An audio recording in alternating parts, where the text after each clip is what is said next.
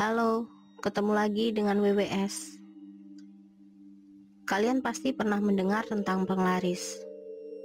Iya, itu adalah sesuatu hal yang dilakukan oleh orang yang musyrik dengan memanfaatkan jin dan setan untuk membuat dagangan laris.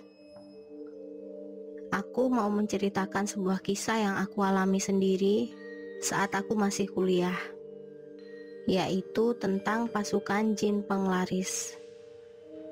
Sebut saja rumah makan ini Mas Laris. Rumah makan ini tidak jauh dengan tempat kosku waktu zaman kuliah dulu. Sejak mulai dibuka, rumah makan itu tidak pernah sepi. Dan kalian tahu kenapa aku bisa tahu kalau rumah makan tersebut memakai hal-hal begituan? Tapi sebelum mendengarkan cerita ini, bantu Wika Production dengan subscribe agar kisah mistis ini bisa terus update dengan aku sebagai narasumber.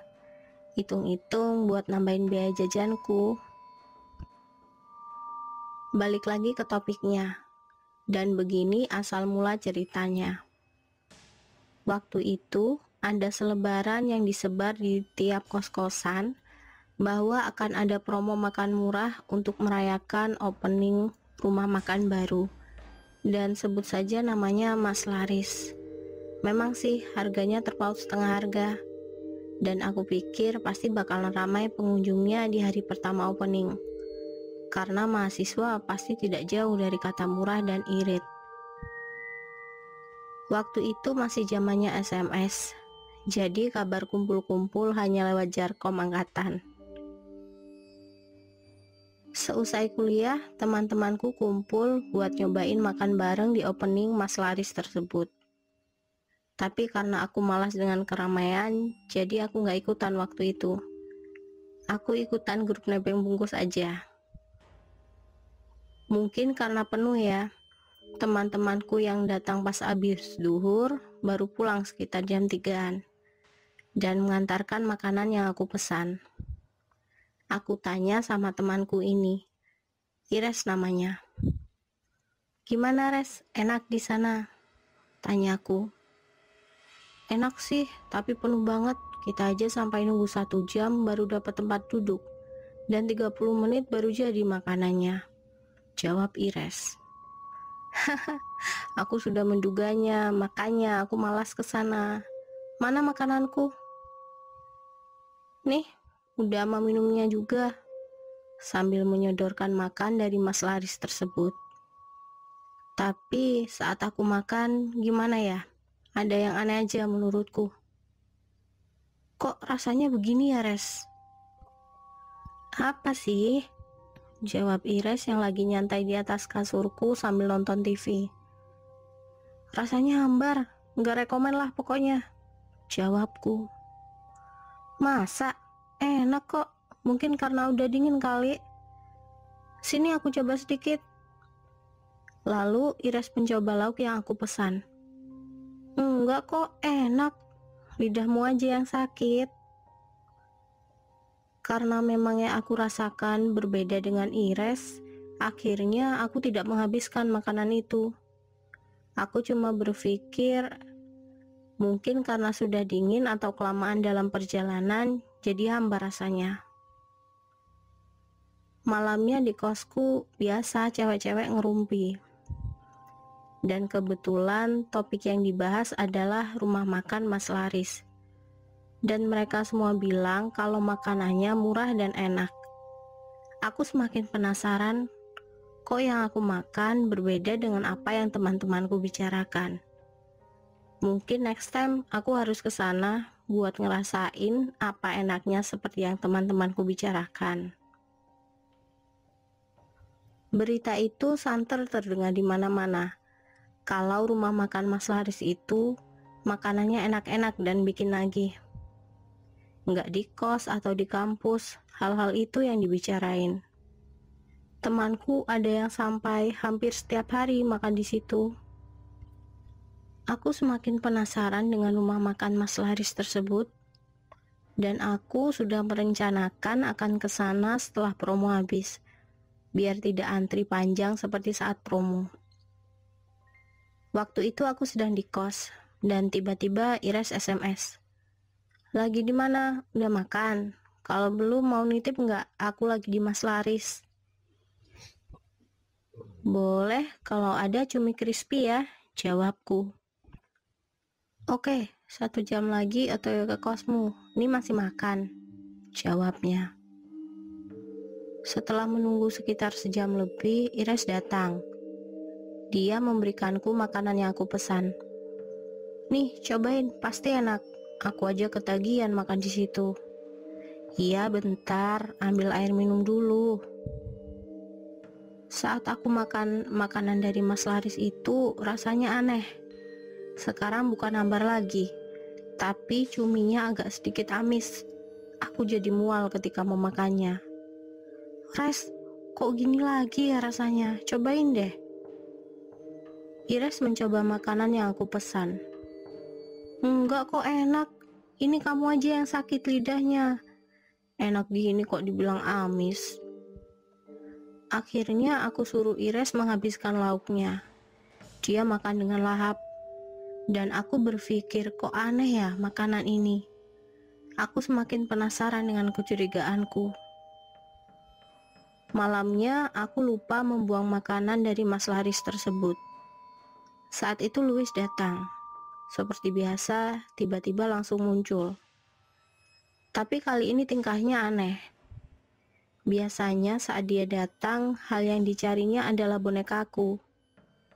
Sekarang dia diam dan menunjuk makanan dari Mas Laris tersebut sambil memegangi lengan bajuku.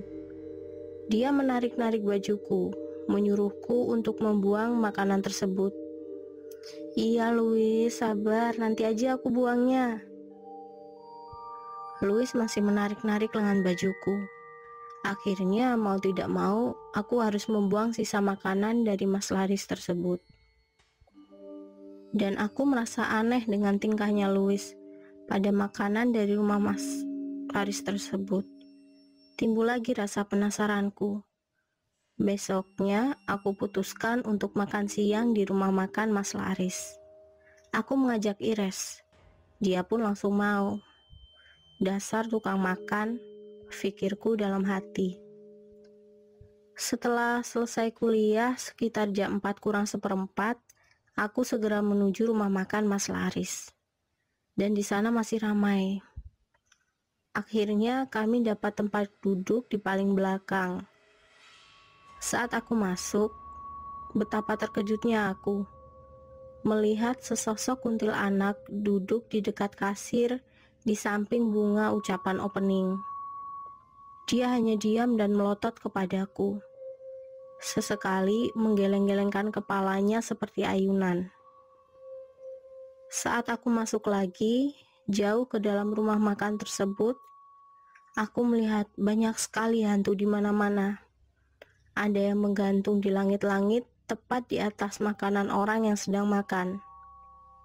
Di situlah aku melihatnya ngeri dan jijik. Kalian tahu, pocong yang ada di atas orang tersebut mengeluarkan lendir dari mulutnya dan jatuh di makanannya. Aku lihat di ruangan itu ada enam pocong yang bertugas seperti itu dengan komando dari kuntil anak yang ada di kasir. Aku sangat histeris waktu itu, serasa ingin mual dan muntah. Aku belum bilang sama Ires kalau ternyata yang membuat mereka ketagihan adalah hal tersebut. Setelah duduk di meja makan yang paling belakang, salah satu pocong yang aku lihat itu tepat ada di atasku, dan aku pura-pura tidak melihatnya. Kalian tahu muka pocong itu. Seperti orang yang sudah sangat keriput, pucat. Dan di sisi kirinya terdapat ulat-ulat kecil keluar dari lubang-lubang di pipinya. Aku benar-benar ingin muntah waktu itu. Lalu aku berbisik kepada Ires. Res, dibungkus saja, aku mau ceritain. Ires yang saat itu riang jadi diam seribu bahasa. Kenapa? Kamu pasti lihat yang tidak-tidak ya? Jangan bilang sekarang kan lagi makan. Iras adalah sahabatku yang tahu kalau aku adalah seorang indigo. Dia juga tahu tentang Louis dan Tante Bear dari ceritaku. Res, tolong dibungkus aja ya. Aku memohon sama Ires. Akhirnya, Ires mengiyakan permohonanku. Setelah makanannya datang, langsung pocong yang ada di atasku itu mengeluarkan lendirnya di atas makananku. Benar-benar ingin muntah aku dibuatnya. Lalu, Ires meminta kepada pelayan rumah makan Mas Laris itu untuk dibungkus saja makanannya. Setelah dibungkus, aku membayar tagihan makanannya di kasir. Terlihat sosok kuntilanak tersebut marah dan melototiku, tapi dia tidak bergerak sama sekali. Aku cepat-cepat membayar tagihanku dan buru-buru keluar dari rumah makan tersebut. Setelah agak jauh dari rumah makan tersebut, aku minta sama Ires. Res, makannya dibuang aja ya. Nanti aku ceritain kalau udah sampai di kos. Ires dengan muka yang riang menjadi tegang. Iya, manut kamu lah gimana enaknya. Tapi jelasin sama aku ya. Setelah sampai di kos, aku ceritakan semuanya sama Ires tentang lendir pocong yang ada di makanannya. Ires buru-buru lari ke kamar mandi dan terdengar suaranya muntah-muntah. Setelah itu, aku sepakat sama Ires jangan ceritakan hal ini sama lainnya. Pura-pura saja tidak tahu, takutnya akan berakibat buruk ke depannya. Dan sejak saat itu, aku tidak mau lagi makan di rumah makan tersebut. Begitu juga dengan Ires.